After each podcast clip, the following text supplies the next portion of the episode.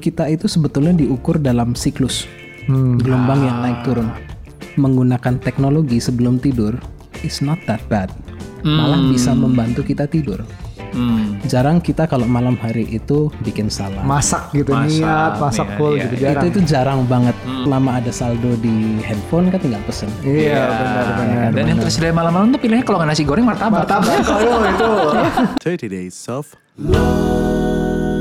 Hey guys, welcome back to 30 Days of Lunch. Ini adalah episode kesekian yang kita bersyukur banget udah setengah jalan nih kayaknya Eropa. Yes, yes. Udah setengah jalan kita Di banyak 4. belajar di season 4 tentang banyak hal banget.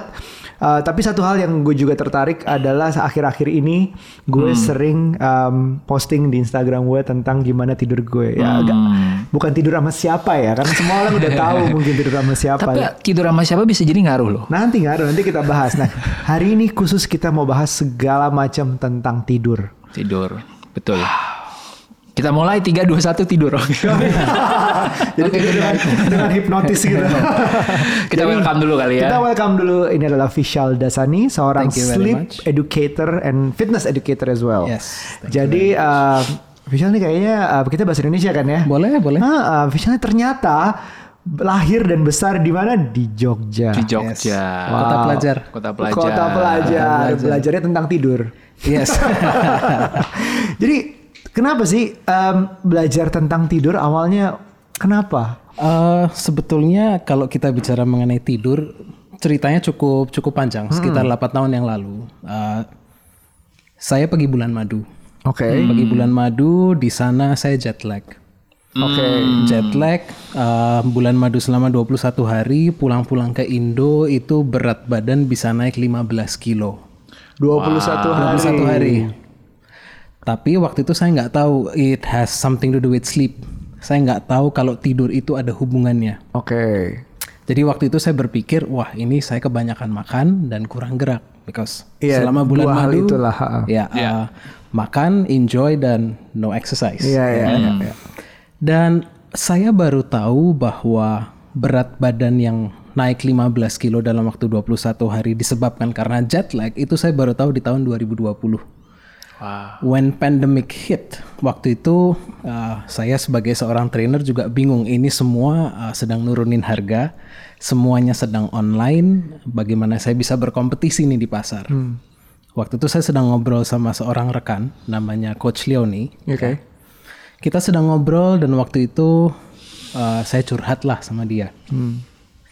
How can I compete? Bagaimana saya bisa berkompetisi nih? Dia bilang, udah, kamu pelajari tidur aja. Oh gitu. Yep. It all started di bulan Juni. Uh, bulan Juni di Jakarta Selatan, meeting di cafe. Dan Coach Leoni waktu itu bilang, belajar aja soal tidur. Wow, ini hasil pivot pandemi nih berarti ini. Hasil lunch. Hasil lunch. Ya, benar. Ya, ya, ya, ya, ya, ya, ya, ya. Semoga yang nonton juga ada lunchnya menghasilkan sesuatu. Berarti benar lunch generates ideas. ya kan? betul, betul. So waktu itu setelah meeting saya pulang saya cross check di Google ada nggak sih uh, fitness and sleep certification.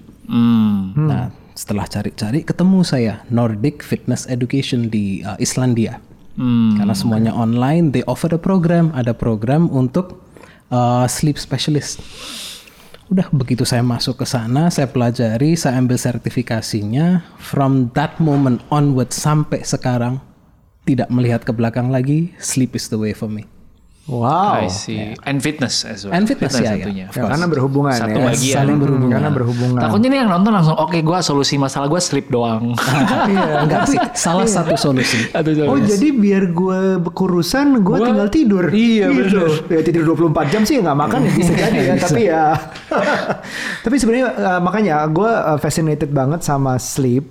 Uh, terutama juga dari sisi teknologi karena Hmm. gue review gadget juga sekarang tuh pada concern semua hampir semua smartwatch itu kayak concern ke tidur. Hmm. Tidur itu segitu pentingnya. Gue jadi baca-baca jadi apa, jadi ngelihat juga suka traveling Hmm. di saat jet lag itu jadi pikiran gitu. Wah gue traveling nih gue harus planning nih gimana cara tidurnya biar nggak mengganggu uh, rhythm tidur. Biar tetap sampai sana pun karena kerja harus tidur cukup sehingga kerjanya bisa bener so sleeping pills juga diambil di saat itu. tapi se- sebelum kita jauh ke teknologi atau ke sleeping pills seberapa penting sih tidur itu sampai apakah kita cuma ngomongin berat badan, apakah kita cuma ngomongin relax terus besoknya bisa produktif atau apa sih dalam tidur itu apa yang bisa kita ketahui seberapa bermanfaatnya atau banyak orang mungkin salah kaprah tentang tidur. Tidur itu penting. Semua orang tahu itu, tetapi belum banyak yang memahami seberapa pentingnya Oke. tidur terhadap kesehatan kita secara holistis. By holistis yang saya maksud adalah tidur mempengaruhi kesehatan fisik, kesehatan emosional, sama kesehatan mental. Hmm. Oke, oke. Kalau kita bicara dari kesehatan fisik, ya imunitas kita bisa terganggu kalau kita tidurnya nggak cukup. Ya. Hmm. Terus dari kesehatan mental, daya serap kita atau fokus kita, sharpness kita itu bisa menurun drastis. Istilahnya kita lebih mudah lemot. Iya, iya, iya. kalau kita nggak tidur. Terus kalau dari segi kesehatan emosional kita cepat marah, cepat takut, mudah panik. Hmm. Karena memang ada bagian di otak kita which is called amigdala yang ke-trigger pada saat kita nggak tidur. Hmm. Dan amigdala itu fear centernya kita. Hai guys, buat kalian para entrepreneur dan para pemilik bisnis mungkin ada info berguna ini sebelum kita mulai podcast kita. Yes, sekali lagi para entrepreneur dan pemilik brand lokal, entah itu brand fashion, beauty, elektronik, F&B, atau home and living, siapa pun yang lagi cari funding dan partner buat growing bisnis kalian, Kita punya kabar baik buat kalian semua. Perhatiin ya, lo bisa jodohin brand lo ke Open Labs, sebuah brand agregator terbesar di Asia Tenggara dan mereka punya dana 1,4 triliun yang siap diinvest ke brand lo. Dan selain funding, Open Labs juga punya tim expert yang siap nge-support bisnis secara penuh. Mulai dari digital marketing, logistik, finance, hingga bisnis strategi. Seksi banget kan? Kunjungi Open Labs ID dan daftarin brand lo sekarang. And we're back to the podcast. Tidur bukan cuman ngantuk ya. Ya, itu salah satu efek langsung. Kita merasa ngantuk and we don't perform. Kita tidak bisa memberikan performa terbaik Iya, kita. ha-ha. Tapi ada efek-efek yang lain. Oke, boleh kembali ke itu nggak tadi berat badan? Menurut gue itu isu banyak orang soalnya, Iya. apalagi setelah pandemi gitu kayak yes. how eventually sleep ngaruh ke berat badan sampai 15 kilo itu gitu. Oke. Jadi kalau kita bicara mengenai kurang tidur dan di sini konteksnya adalah kurang tidurnya itu di bawah 6 jam Hmm. selama eh, bermalam malam. Ya jadi nggak nggak cuma satu malam tapi sudah menjadi habit lah kita Iya, tidur yang tidak iya. teratur. Di malam saat kita kurang tidur, saat kita begadang, apa pun itu alasannya kita sedang nonton drakor, kita sedang iya, iya. ngerjain Binging tugas, Netflix. ya kan? Lembur kantor. lembur atau- kantor atau sedang berkongko-kongko lah sama Iya, teman. iya, iya. apa pun alasannya. Di saat kurang tidur, artinya kan kita berada dalam kondisi awake. Oke. Dan di dalam kondisi tersebut, kita lebih mudah untuk mencari makan.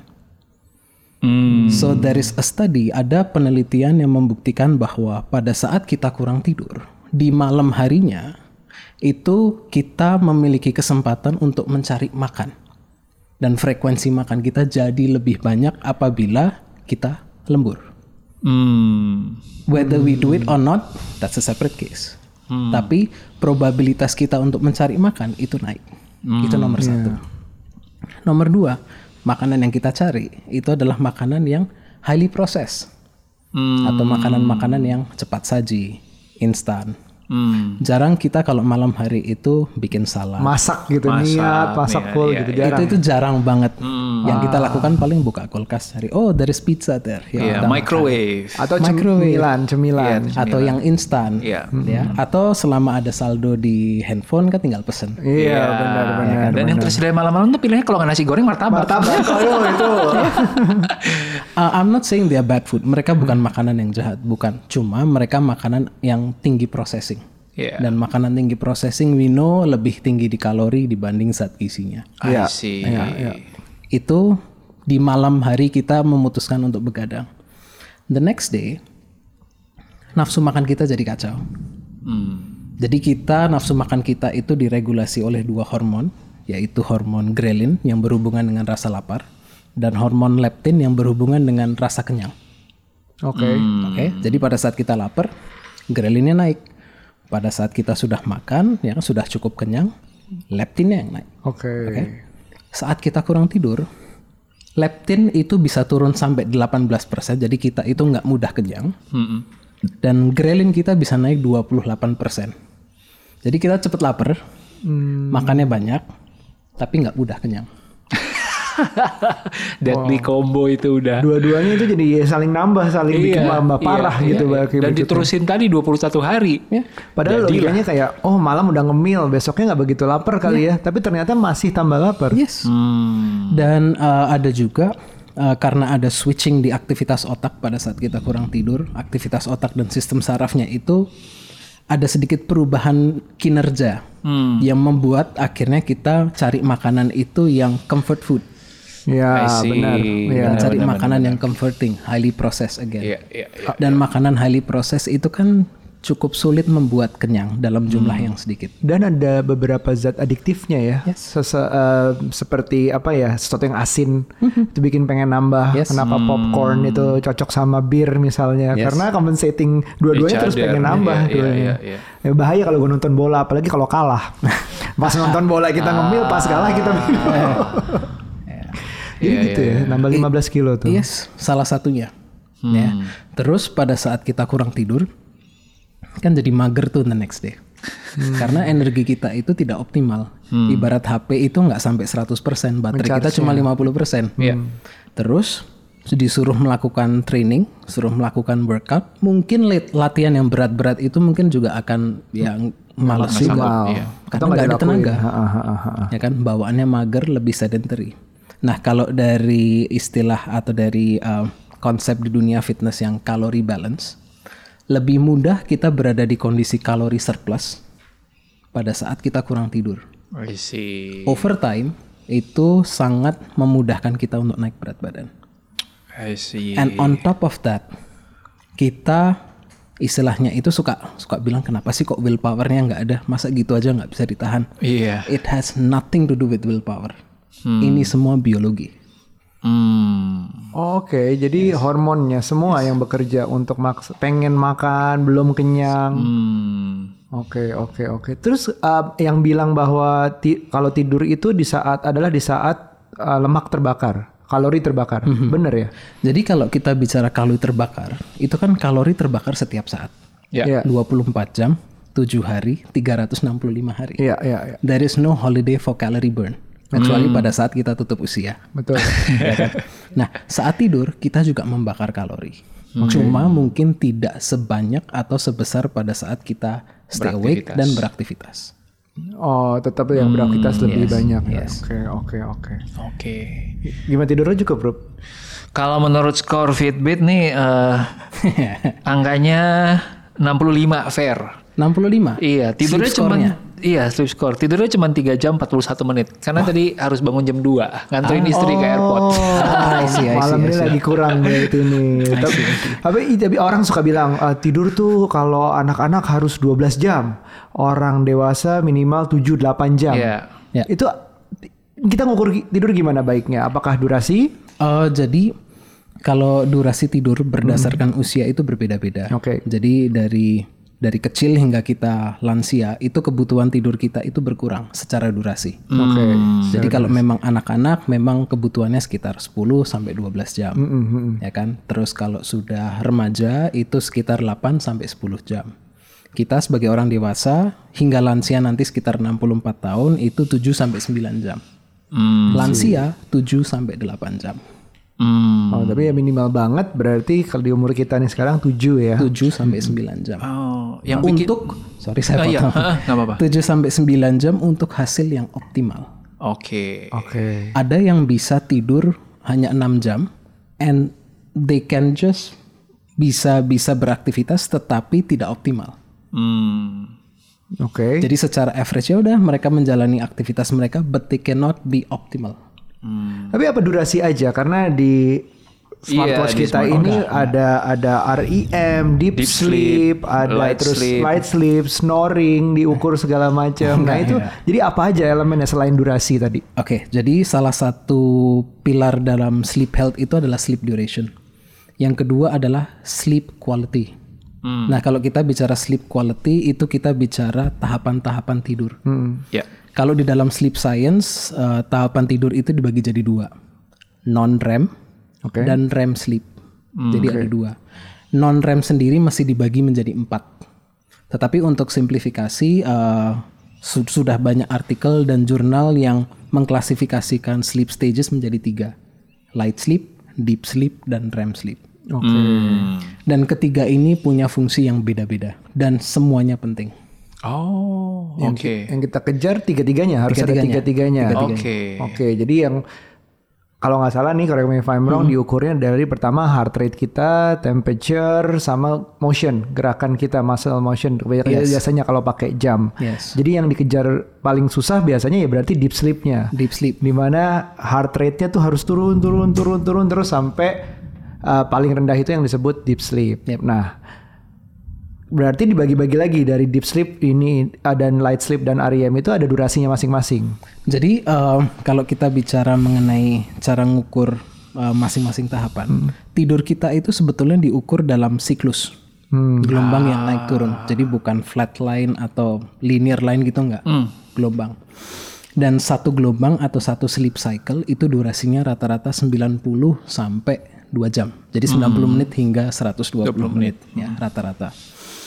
Dan setiap 90 menit itu kita menikmati light sleep, deep sleep, dan REM sleep. Oh, gitu. Yes. Jadi dari awal kita tidur malam hingga bangun pagi, kita menikmati uh, Beberapa in cycle. cycles, yes. Jadi naik turun. Oh, gue kirain tuh kayak deep sleepnya Jam satu jam gitu? 40 menit ya udah diem aja satu jam 40 menit di bawah terus enggak ya? Oh, wow. Enggak. Dan itu eh, maksudnya that cycle ada fungsinya tersendiri buat badan kita. Yes. Jadi setiap 90 menit kita uh, let's say kita transisi dari kita lagi siap-siap tidur terus kita transisi tidur, kita masuk ke light sleep dulu. Hmm. Sekitar hingga 20 hingga 30 menit lah kita di light sleep. Terus turun kita ke deep sleep. Dari deep sleep kita kembali lagi ke light sleep. Dari light sleep baru masuk ke REM sleep. Oke. Seperti itu. And the cycle continues. Hanya saja semalaman kita tidur, bentuk cycle-nya itu tidak sama terus. Hmm. Porsi besar deep sleep kita terjadi di awal-awal kita tidur. Nah, baru gue mau cerita tuh. Emang emang kalau dilihat light uh, statistik gue itu 9 sampai 11 karena aku tidur jam 9 bangun jam 4 jam setengah 5. Se 9 sampai 11 tuh banyak deep sleepnya birunya. Tapi yang 12 sampai pagi REM sleep. titik-titik doang gitu kayak nggak ada deep sleepnya hampir. Jadi mendekati pagi, kita akan lebih banyak porsinya di REM sleep. Hmm. REM sleep itu tidur yang bermimpi. Oh. Oh, justru di REM bukan di deep ya mimpinya ya. Semua di semua tahapan ada mimpi, cuma yang paling jelas, paling vivid dan paling kuat itu ada di REM sleep. REM sleep. Oke. Let me clarify a bit buat teman-teman yang mungkin dengerin dan nggak tahu REM. Tadi disangkain tidurnya ngerem gitu. REM Rapid ya. eye movement, bener ya? Yes. Oke, alright. Dan di rapid eye movement di sini yang terjadi adalah gelombang otak kita kencang, ya, cukup aktif. Oh, ya. Mata kita bergerak kiri kanan atas bawah. That's why rapid eye movement, I see. ya kan? Tubuh kita dibuat lumpuh. Ah, ini mungkin yang orang suka kayak malam-malam berasa ketindihan. Ketindihan. Sleep paralysis. Dan itu juga REM uh, mimpi terjadi di saat REM. Jadi justru paling gampang kayak di saat kita terbangun dari mimpi karena Yes. paling dekat. Jadi di saat misalnya mimpi uh, Oh, buruk yang- ya. ya, ya, ya, ya. Kagak kaget gitu karena memang udah paling dekat bangun ya. Ah, I see. And satu hal yang banyak eh, masyarakat masyarakat kita masih suka salah kaprah ya. Tidur itu tidak boleh terputus-putus. Harus satu continuous block dari malam sampai pagi. Ini gue Oh. mikirin bola gue nih. Nggak, ini yang the correct way to do it. Harus nggak boleh putus. That's the misconception. Oke. Oh gitu. Yes. Whereas yang suka yang yang harusnya terjadi because kita tahu sekarang siklusnya adalah light, deep, light dan REM. Dan REM itu sangat dekat dengan awake. Awake. Which means that setiap 90 menit there is a chance, ada kemungkinan Bangun. untuk kita bangun. Dan itu nggak apa-apa. And it's okay. Jadi eh, tidur bisa ditabung. Uh, istilahnya gini, banyak yang suka panik kalau mereka terbangun tengah malam, thinking, berpikir tidur kan nggak boleh terputus-putus. Oh. Wah, udah kacau nih, udah nih gitu. And rasa panik itu, rasa marah itu justru men-trigger hyper arousal di tubuh kita. Hmm. Susah tidur lanjutin Susah ya. tidur lagi. Ibarat mobil sudah di garasi, tapi mesinnya nyala. Oke. oke oke. Ya jadi jadi mikirnya gini, uh, mungkin di saat kebangun tengah malam, kadang-kadang kita mungkin pengen ke toilet gitu. Sebenarnya ke toilet sendiri udah bikin badan gerak cukup Yes. awake kan. Hmm. Tapi yang lebih parah lagi bagi aku setiap kali aku nggak tahan pengen lihat handphone. Hmm. Nah di saat pengen lihat handphone malam kelar. itu kelar kayak ha- bakal nambah sejam lagi nggak tidur Ya. karena your brain is thinking, your brain is stimulated, your brain is oh ini ada notification yang harus Yes. jawab. Kadang-kadang pengen jawab, pengen komen Yes. atau apa segala Yes. macam. Tambah tuh satu jam hilang. Yes. Jadi walaupun kebangun di malam, mungkin lebih baik kita ya udah tenang aja, coba aja tidur lagi Yes. tanpa harus kayak oh Tanpa gua harus panik lah. tanpa harus Iya, panik, iya, tanpa iya. oh gue harus minum susu kali nih, kok gue harus apa nih kali minum air, gue harus apa enggak harus ya. Nggak harus. Hmm, kalau nonton bola gimana? gue jam 2, aduh paling paling sebel kalau MU nonton jam 2. Nonton sampai jam 4. Itu udah nggak makan nggak apa, oke nggak apa-apa.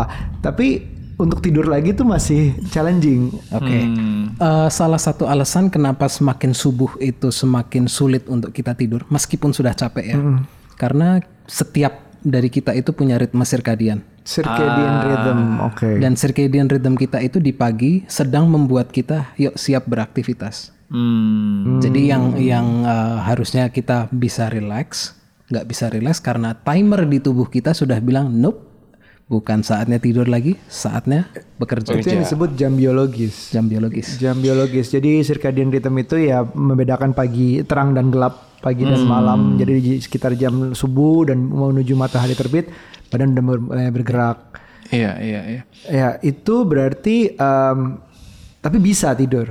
Maksudnya cuma Akan lebih susah. semakin sulit. Ah, Oh. Karena kalau kita bicara ritme sirkadian kan dia yang ngatur kapan tidur dan kapan bangun. Jadi kalau kita bicara circadian rhythm itu lebih ke arah jam tidur bangunnya.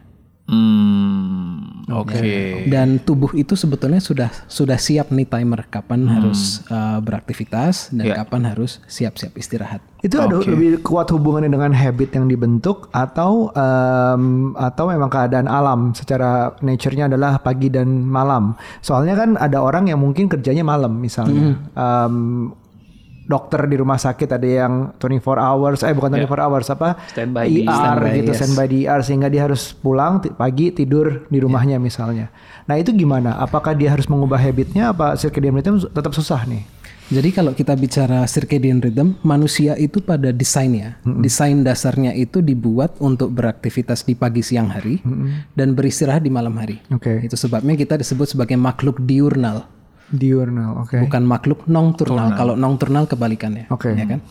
Nah, oleh karena itu lebih baik ya akan lebih bermanfaat untuk kesehatan kita juga apabila kita bisa ngikutin jam biologis tubuh. Hmm. Nah, kalau kita bicara mengenai dokter atau shift worker, Ya, oke. mereka sedang melawan jam biologis tubuh. In the long run, dalam jangka panjang memang kurang baik untuk kesehatan tubuh. Hmm. Oh, I see. Tetapi kita sebagai manusia punya kemampuan untuk mengubah jam tidur. Adapt. Hmm. We have the skill. Bisa beradaptasi ya. I see. Mau dimajuin bisa, mau dimundurin bisa, mau ditetapin di satu jam yang sama juga bisa. Oke. Ini kalau bicara adaptasi jadi bicara masalah-masalah tidur kali ya dan gimana kita beradaptasi gitu. Em, salah satu masalah tidur yang paling sering dialami apa ya? Kalau lu apa yo? Eh, sebenarnya nonton bola sih saat Selain ini. nonton bola Oh, ya? Tapi em, kalau cerita dikit tidur tidurnya sebenarnya kita semua bermasalah tidur di saat punya anak bayi bangunnya berkali-kali minta Iya, makan segala macam. Tapi sejak, tapi akhirnya setelah 1-2 tahun mendisiplinkan kita untuk tidur jam 9 Akhirnya kita sekarang tidur jam 9 bangun jam 4 jam 5 gitu. Anak-anak juga 9 bangun jam 6 jam 7 gitu.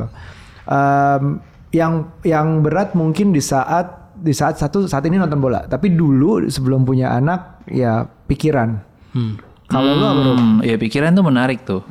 Kayak gua malah bisa tidur lebih baik kalau sebelum tidur tuh gua dininabobokan dengan serial Friends. Mungkin tahu serial Friends. Sama persis.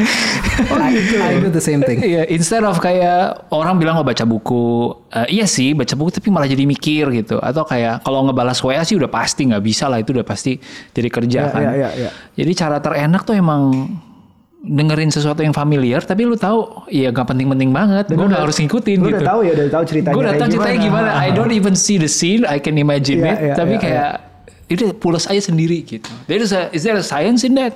Eh, jadi baru-baru ini mulai banyak muncul artikel dan studi yang menyebutkan bahwa menggunakan teknologi sebelum tidur is not that bad. Malah bisa membantu kita tidur. You are one of the proof. Saya sendiri juga kalau mau tidur itu menggunakan gadget dulu. Saya nonton. Oke. But the issue uh, sulit tidur itu mulai terjadi apabila kita memutuskan to go with the flow. Jadi kita engage dengan konten. Ah, Yang harusnya nonton cuma satu episode, kita bablas sampai satu season. binge iya, watching. binge. Iya iya iya. iya. Yes. Dan ini sudah dipublikasi ada satu meta analisis uh, di websitenya Wing Sleep. Uh, foundernya adalah seorang seorang sleep expert, seorang seorang sleep researcher dan guru saya. Jadi waktu saya mengambil sertifikasi berikutnya mengenai sleep, saya ambil dari beliau dari Adelaide, Australia. Hmm. Dia salah satu head research-nya di uh, Sleep Cycle app yang tadi Oh, kita bicarain. cycle. Iya iya. Jadi ini, ini uh, jadi ngingetin di saat gue tinggal sendiri belum menikah, gue suka kayak gitu nonton, ambil tidur terus uh, yang yang penting TV-nya di timerin, udah gitu. Iya benar. iya, iya. Tapi begitu kenal istriku, dia nggak mau, dia mau tidur tuh gelap, mati semuanya, ya ada lampu kecil boleh, tapi TV nggak boleh nyala, mati. Nggak bisa tidur dia. Ya aku awalnya membiasakan jadinya karena eh, mungkin ini yang bener ya mungkin selama ini gue salah kali ya nyalain TV kayak gitu ya. Terus dia dia tuh kalau tidur pokoknya harus mandi bersih harus eh, mati semua lampunya. Ya udah aku jadi kebiasaan sekarang kayak gitu. Tapi ternyata nggak apa-apa ya. Gak apa-apa. dengan gadget as, as long as you're not engaged to it. Yes. Iya iya iya. Saya punya satu klien, eh, klien personal training. Dia pernah cerita ke saya bahwa ini selama ini belakangan lagi nggak bisa tidur nih. Saya tanya kenapa. Eh, terakhir ini baca di apa artikel kalau sebelum tidur nggak boleh pakai gadget. Hmm. Oke. Nah terus saya tanya yang kamu lakuin apa Eh, sebelum sebelum baca ini?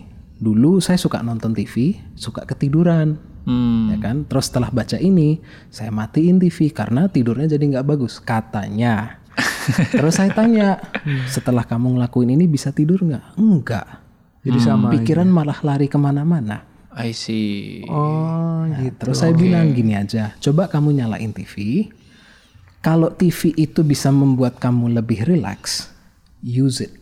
Hmm. karena ujung-ujungnya sebelum kita tidur yang penting adalah tubuh kita rileks Hmm. tubuh kita rileks termasuk banyak hal seperti makan jangan terlalu dekat dengan tidur di saat lagi digesting itu bukan rileks kan Maksud saya lebih ke arah how to calm yourself. Iya, iya. Uh, Lebih ke arah teknik relaksasi yang bisa dipakai. Iya Iya, betul iya, betul. Uh, biar nggak terlalu engaging, biar nggak terlalu menstimulasi pikiran dan sebagainya. Nah itu cara rileksnya kan banyak ya. Banyak, Ah, banyak, orang beda-beda juga. Tadi yang ada yang dengan gadget, ada yang dengan mati, semuanya dengan mandi mungkin air air hangat bisa jadi. Nggak boleh makan terlalu dekat sebelum jam tidur. Jangan olahraga terlalu dekat sebelum jam tidur karena kan. Tergantung jenis olahraganya. oh gitu. Ada lagi olahraga yang Kalau olahraganya benar-benar bukan yang high intensity, seperti stretching, light walking, itu nggak apa-apa. Karena itu tidak men-trigger uh, oh heart rate tinggi heart ya. rate tinggi, suhu tubuh tinggi. Yang nggak boleh adalah heart rate lagi tinggi tingginya terus berusaha tidur. Heart Akan rate susah tinggi, juga. suhu tubuh tinggi. I see. Suhu tubuh tinggi. I see. Jadi penentunya itu suhu tubuh sebetulnya. Suhu tubuh. Suhu tubuh. Ini suhu tubuh yang diukur pakai termometer atau? Iya itu. Suhu tubuh badan kita. I see. Karena saat kita tidur suhu tubuh kita ngedrop. Menjelang pagi suhu tubuh kita akan berangsur naik dan berada di range yang sama. Hmm. Sore hari sebelum kita tidur akan berangsur turun lagi. Jadi pada saat kita tidur tuh suhu tubuh kita low. Oh. Ini bisa dipengaruhi di mani, uh, tanda kutip manipulasi dengan suhu ruangan, Bisa? dengan AC atau Mandi air hangat bisa membantu untuk menurunkan suhu tubuh. Oh gitu. I see. oh gitu. Wah lumayan nih dapat tip-tip untuk tidur lebih. gitu Tidur nyenyak. Iya iya iya. Pikiran gimana? Kan kita kita banyak yang, aduh gue overthinking nih atau gue anxi- anxious. Sekarang kan Anxious, banyak yes. seperti itu. Iya iya. Gimana kita ngatur pikiran untuk relax atau mental untuk relax biar tidurnya maksimal? Um, ada beberapa cara sebetulnya yang bisa kita lakukan cuma each to his or her own ya. Kita bisa sesuaiin mana yang cocok deh buat Benar, kita. benar, benar. Ada yang pakai nonton, ya kan? Terus ada yang menggunakan journaling. Hmm. Jadi mereka mentransfer isi pikiran ke sebuah buku. Oh. Dan pada saat mereka naik ke tempat tidur, udah pikirannya bisa lebih tenang. Ah. Kalau planning sebagainya kan kalau diingat lebih lebih baik ditulis aja deh. Iya, iya, iya. ya, ya. Itu bisa. Baca buku bisa menenangkan pikiran. Asal bukan buku ujian ya. Ya, ya. Ah, mungkin lebih kayak fiction gitu kali ya yang kayak Atau baca kamus kali. Terus mandi air hangat tadi sudah aromaterapi. Oh, Oh, ada juga apa ASMR?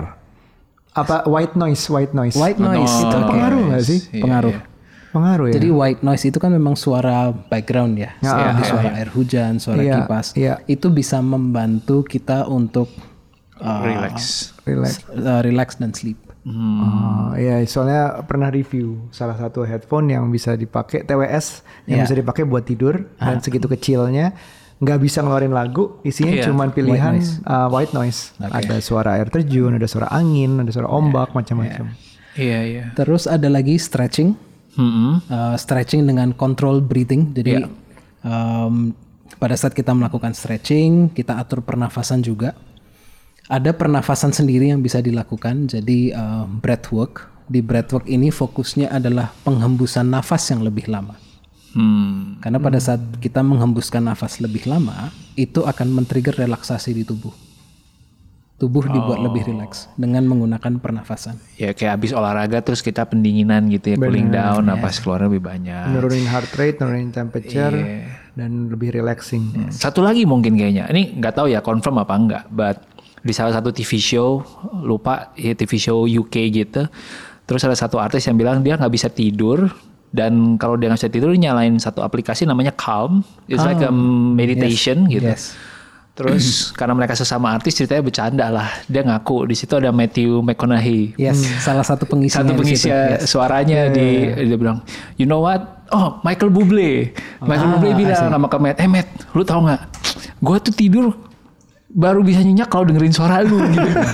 Ya, ya, ya, ya. Jadi eh, meditasi yang di di guide lewat Guided app itu juga meditation. bisa ngebantu ya. Bisa. Intinya whatever makes you calm and relax. So you have to be relaxed before Yes. to be optimal. Ada salah satu cara juga yang sudah terbukti cukup efektif, Ya. seks. Oh, Hanya saja ini ada sedikit kontroversi. Kenapa? Karena apalagi di kasusnya wanita. iya. Saya sering mendapatkan komplain bahwa setelah berhubungan seks wanita justru tidak bisa tidur. Hmm, cowoknya langsung bom. Cowoknya sih bablas, ya kan? Istilahnya pules. Oke. Karena ceweknya butuh apa ya butuh ibarat konser tuh ada angkornya. Eh, tapi kenapa? Kenapa kira apa, secara medis kenapa perempuan? Ada beberapa alasan. Uh, salah satu, apakah cewek sudah, apakah uh, ceweknya sudah benar-benar climax? Ah, Itu oke. Nomor satu. Nomor dua, ada beberapa hormon yang kerilis pada saat uh, setelah berhubungan seks. Salah satunya adalah prolaktin.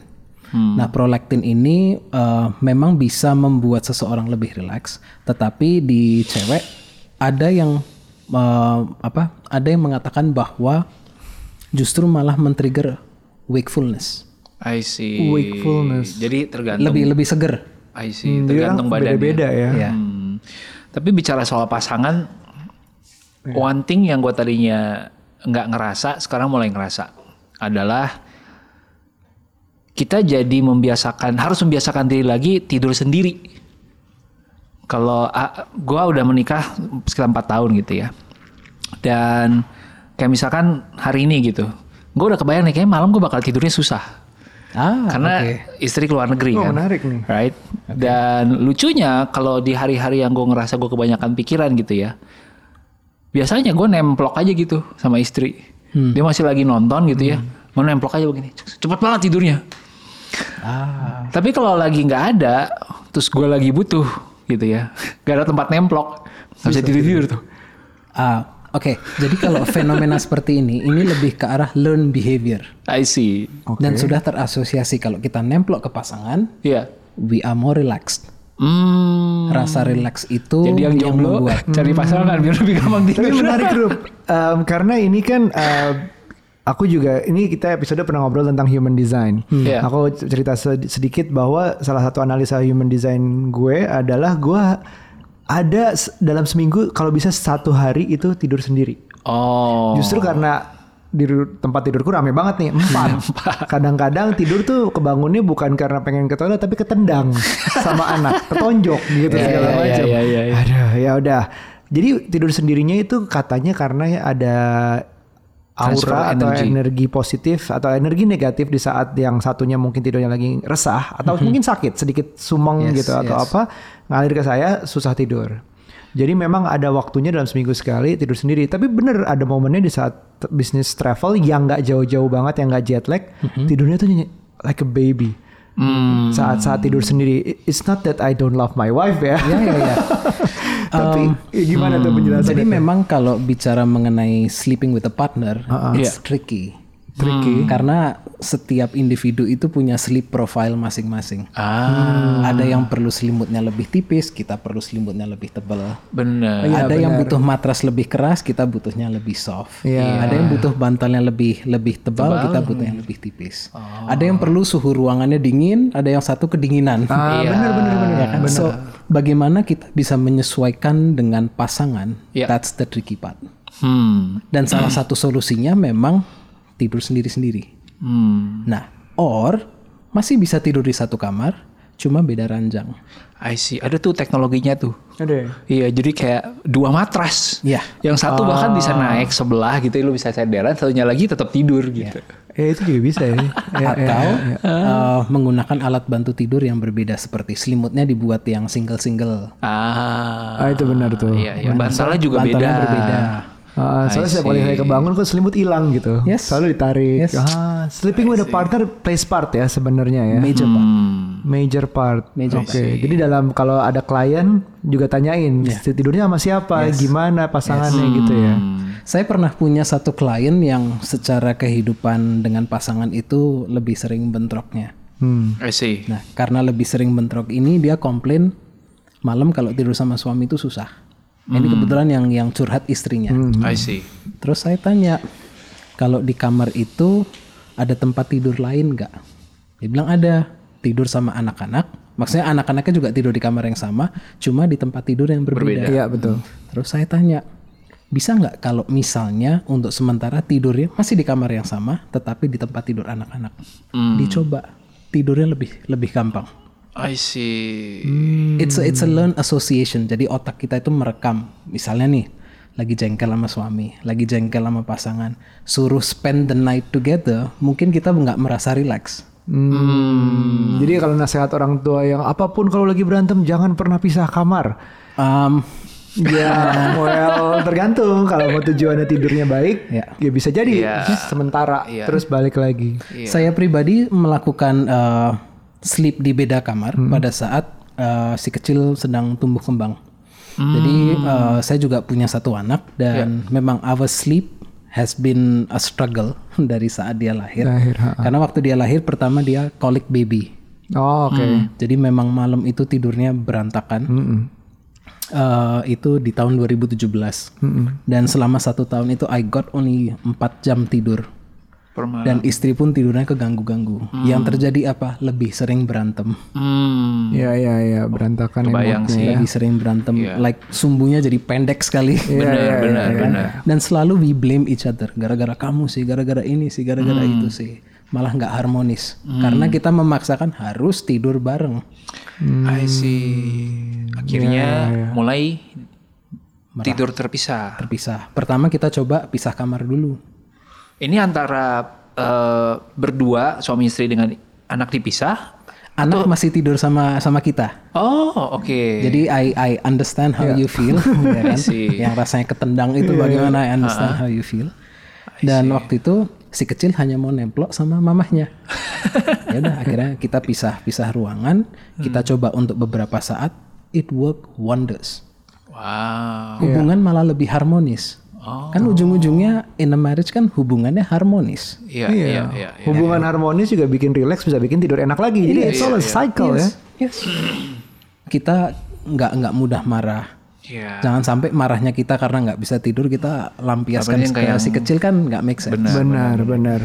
Nah ini um, untuk yang susah tidur ada ya aku dengar namanya melatonin atau sebenarnya itu hormon otak tapi dalam bisa dimakan kita kita sebagai pil yang bantu tidur. Warwi juga pernah waktu itu oleh-olehin buat gue gitu dari luar.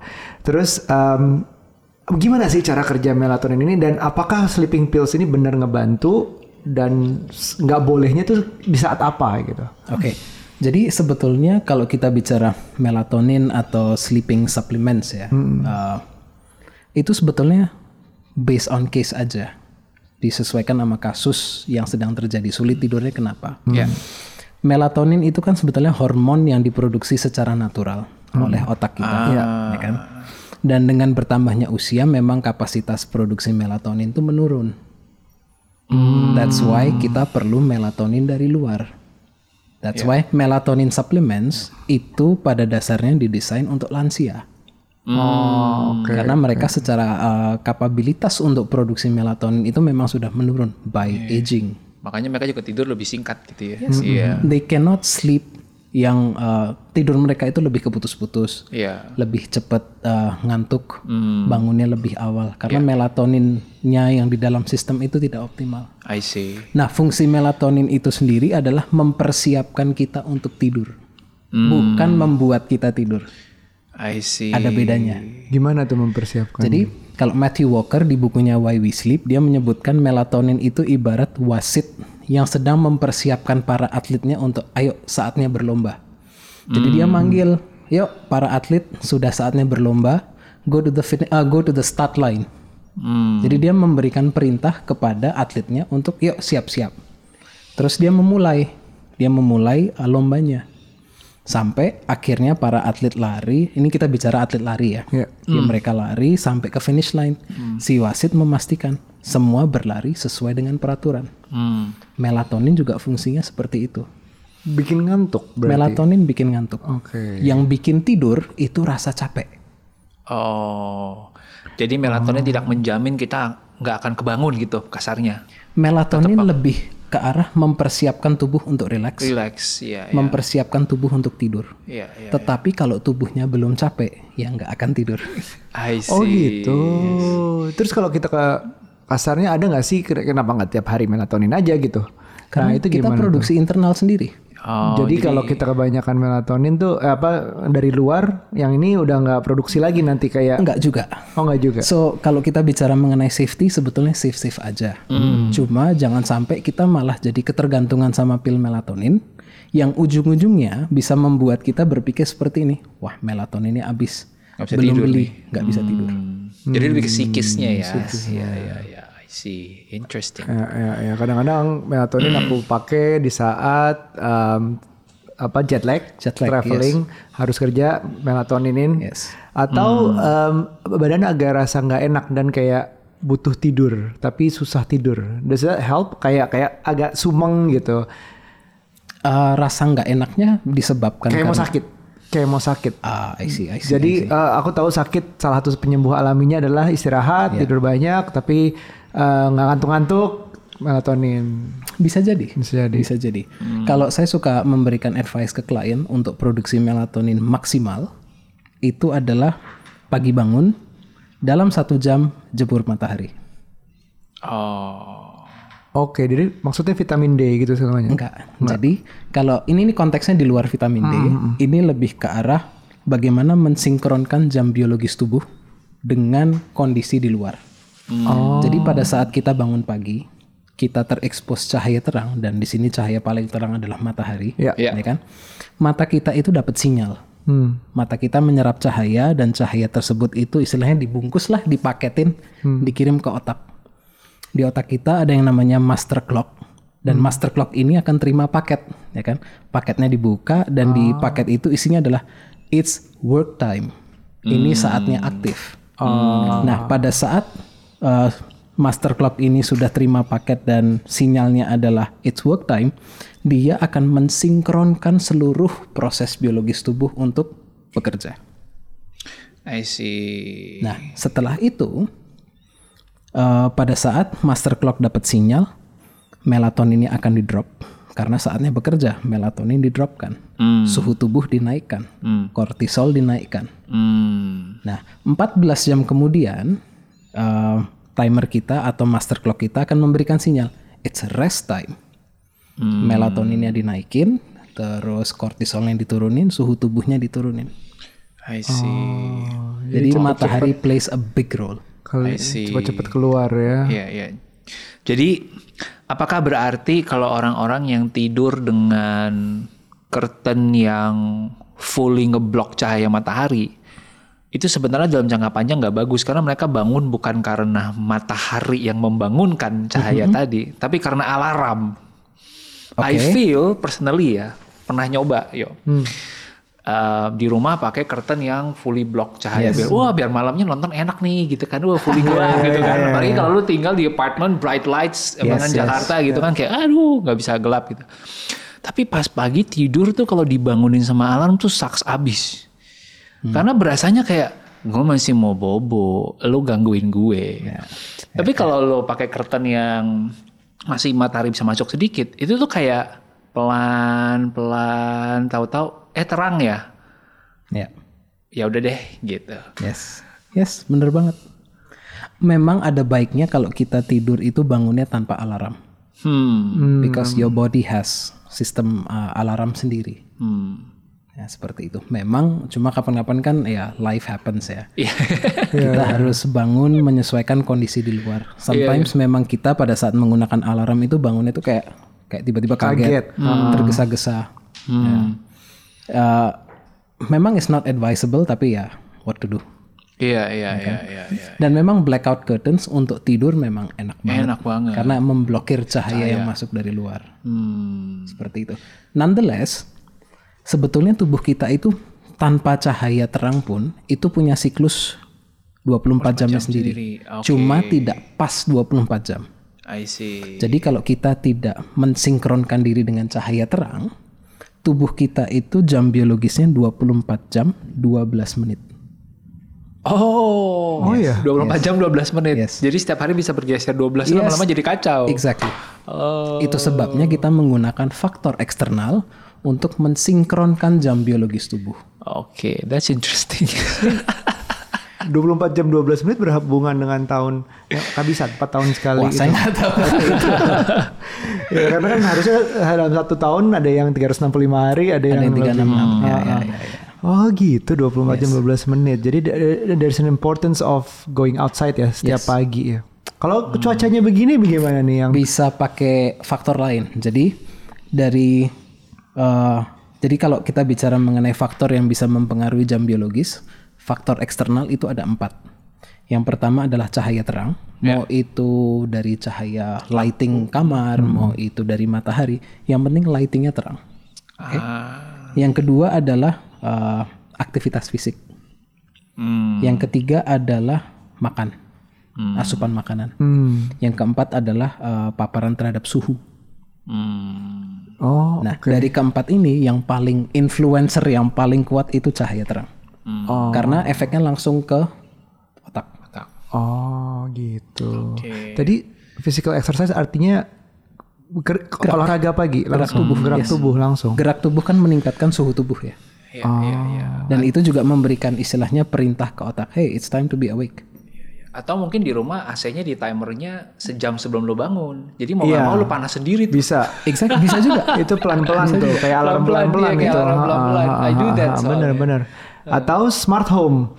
Uh, Salah satunya lampunya nyala di saat jam sekian. Bisa. Nah, jadi nggak nggak kaget kan, nggak sekaget sama suara. gitu. Gradual gitu kan. Gradual. Yes, yes, yes. Kalau mau yang paling optimal, ini yang saya pernah baca di uh, beberapa artikel, bangun tidur, bukan ku terus mandi, tapi jemur dulu.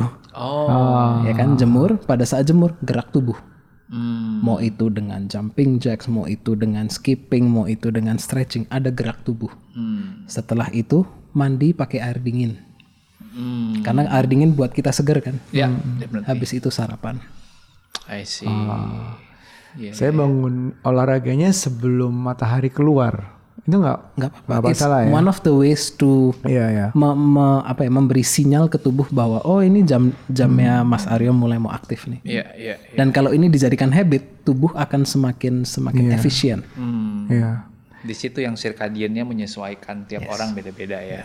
Dan kalau misalnya kita sudah terbiasa jemur nih, ya selama satu bulan jemur game kita going strong. Satu dua hari kita miss, it's okay. Hmm. Sama kayak kalau kita misalnya sedang punya program diet ya, ya, harus makannya sesuai dengan uh, takaran kalori tertentu deh. Satu dua hari kita miss, tapi yang sisa yang lain kita konsisten, it's okay. It's okay. Got it, got it. Iya, iya, iya. Wow, uh, sleep does wonders ya. Jadi bukan cuman pertama tadi um, diet, your diet, it's also juga juga kemampuan emosional, fis- uh, fisik, pikiran, emosional itu ngaruh semua. Bahkan ke hubungan. Iya. Salah satunya di sumbu pendek tadi itu banyak banget pengaruhnya. Uh, senang makanya aku juga pengen tahu sleep score-nya lucunya kan kalau di jamku ada kayak dia menggambarkan pakai binatang.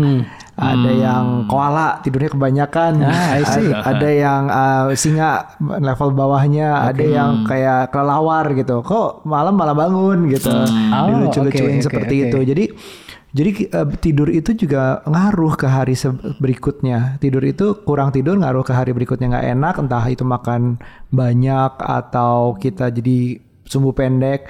Terus sumbu pendek itu eh, hari nggak enak bikin rileksnya nggak enak juga sehingga tidurnya nggak maksimal lagi. So it's kayak escalating gitu, nambah terus gitu. Jadi kayak sumber masalahnya sebenarnya banyak yang orang nggak sadar bahwa di tidur, di tidur yang baik, yang kualitas, bukan selalu harus lama. Jadi yang kayak em, pikiran bahwa harus 7 jam, harus 8 jam, malah bikin Anxiety. anxiety ya. Iya, Kadang-kadang gue bangun, wah belum segini tidur lagi, tidur lagi, tapi nggak bisa. Padahal sebenarnya mungkin tidurnya udah cukup, udah baik gitu. Jadi ya mungkin aku sih masih terus belajar tentang tidur ini. Uh, Kadang-kadang jelek, terutama di saat nonton bola misalnya. Tapi mostly udah sadar eh, uh, bahwa tidur itu segitu pentingnya. Di gue seperti itu. Um, jadi Ruby ada lagi tambahan sebelum kita tutup? Nggak ada sih menurut gua tadi pembahasan soal tidur ini First thing first thank you ya. Udah udah nyempetin dan udah share ke teman-teman yang dengerin ini. Menurut gua it's a, it's an underdog topics gitu. Karena banyak orang yang mungkin ngerasa apain sih ngebahas tidur? Tidur kan udah natural lah. Nggak usah disuruh nggak usah diajarin nggak usah dipelajarin gitu ya. But turns out kita udah mungkin sejam gitu ya hampir ngomongin and there's plenty to uncover gitu yang kita perlu pahami tentang diri kita sendiri gitu. So thank you for helping us understand ourselves. Pleasure. gitu. Hmm. Jadi semua semua orang uh, misalnya fitness instructor, nutritionist, atau kita ngobrol sama Western medication, um, Eastern medication, semuanya ngomongin tentang resting is part of the life gitu. Yes. Dan resting the deepest part of resting harusnya ada di tidur. tidur Nah, seberapa dalam, seberapa lama itu banyak banget yang bisa dipelajarin. hmm. Um, kalau mau belajar langsung ke Vishal silahkan Uh, ada ada ins- Instagramnya bisa hubungi dia karena juga ada personal trainer untuk tidur, Tidur. ya. Sleep recovery bukan program. ini naboboin ya Bukan, bukan, bukan. tapi uh, menarik sekali karena ya itu sampai bisa jadi personal trainer untuk tidur aja it, it's wow kepikiran aja ya. Orang di level uh, oke deh gue beli smartwatch gue beli Fitbit gue Iya, beli iya. apa ada yang uh, buat detak jantung lah ada apa P- PSG Uh, PSG, yes. P- PSG apa sih kata apa? Polysomnography. polisonografi untuk mengukur tidurnya terus sampai ke dokter. Tapi ternyata nggak uh, ada trainernya sekarang. Ya so where can people reach you? Di akun Instagram pribadi, uh, which is vishal.dasani, Iya. atau bisa uh, menghubungi saya lewat whitenoise.id. white noise, White noise. those sound that makes you calm So basically sedikit flashback if I may. Jadi white noise ini saya bentuk karena uh, tujuannya untuk meningkatkan awareness mengenai dunia tidur kepada masyarakat umum. Dan kenapa saya gunakan uh, white noise? Karena uh, beberapa kolega dan saudara saya uh, sempat bilang kalau pada saat bicara sama saya itu suka tertidur. Oh iya. So I use the the term white noise karena suara saya bisa membuat mereka This- this- tidur. The Matthew Iya, McConaughey. iya, iya. Itu cocok nih ngisi aplikasi Calm. Ah iya iya I iya see. iya memang kadang-kadang uh, suara guiding meditation tuh bisa bikin soothing ya. Iya, iya. Hopefully mine so. Nanti kalau teman-teman ada yang sambil mendengarkan episode ini tertidur, Gak apa-apa. Mission accomplished. Mission accomplished gak apa-apa. Nanti Iya. bangun Sering-sering diulang. lagi, Iya, diulang iya. lagi. Setiap malam ditonton. Bagus buat kita ya Ruben. bagus buat kita. AdSense, AdSense. AdSense. Oke, uh, thank you banget yang udah nonton. Uh, tidur itu segitu pentingnya dan gue percaya banget dari dalam uh, bahwa tidur itu segitu pentingnya. Ngaruh ke banyak hal. Makanya gue Iya. suka banget belajar tentang tidur. Hal baru tentang tidur menarik untuk dipelajari dan ini underdog banget. Bener deh. It does you wonders. Yes. Right? Yep. Kalau ini berguna, jangan lupa di-share ke teman-teman lo. Um, sampai ketemu mungkin di episode berikutnya. Yep. See you at the next lunch. Bye. Bye. Bye.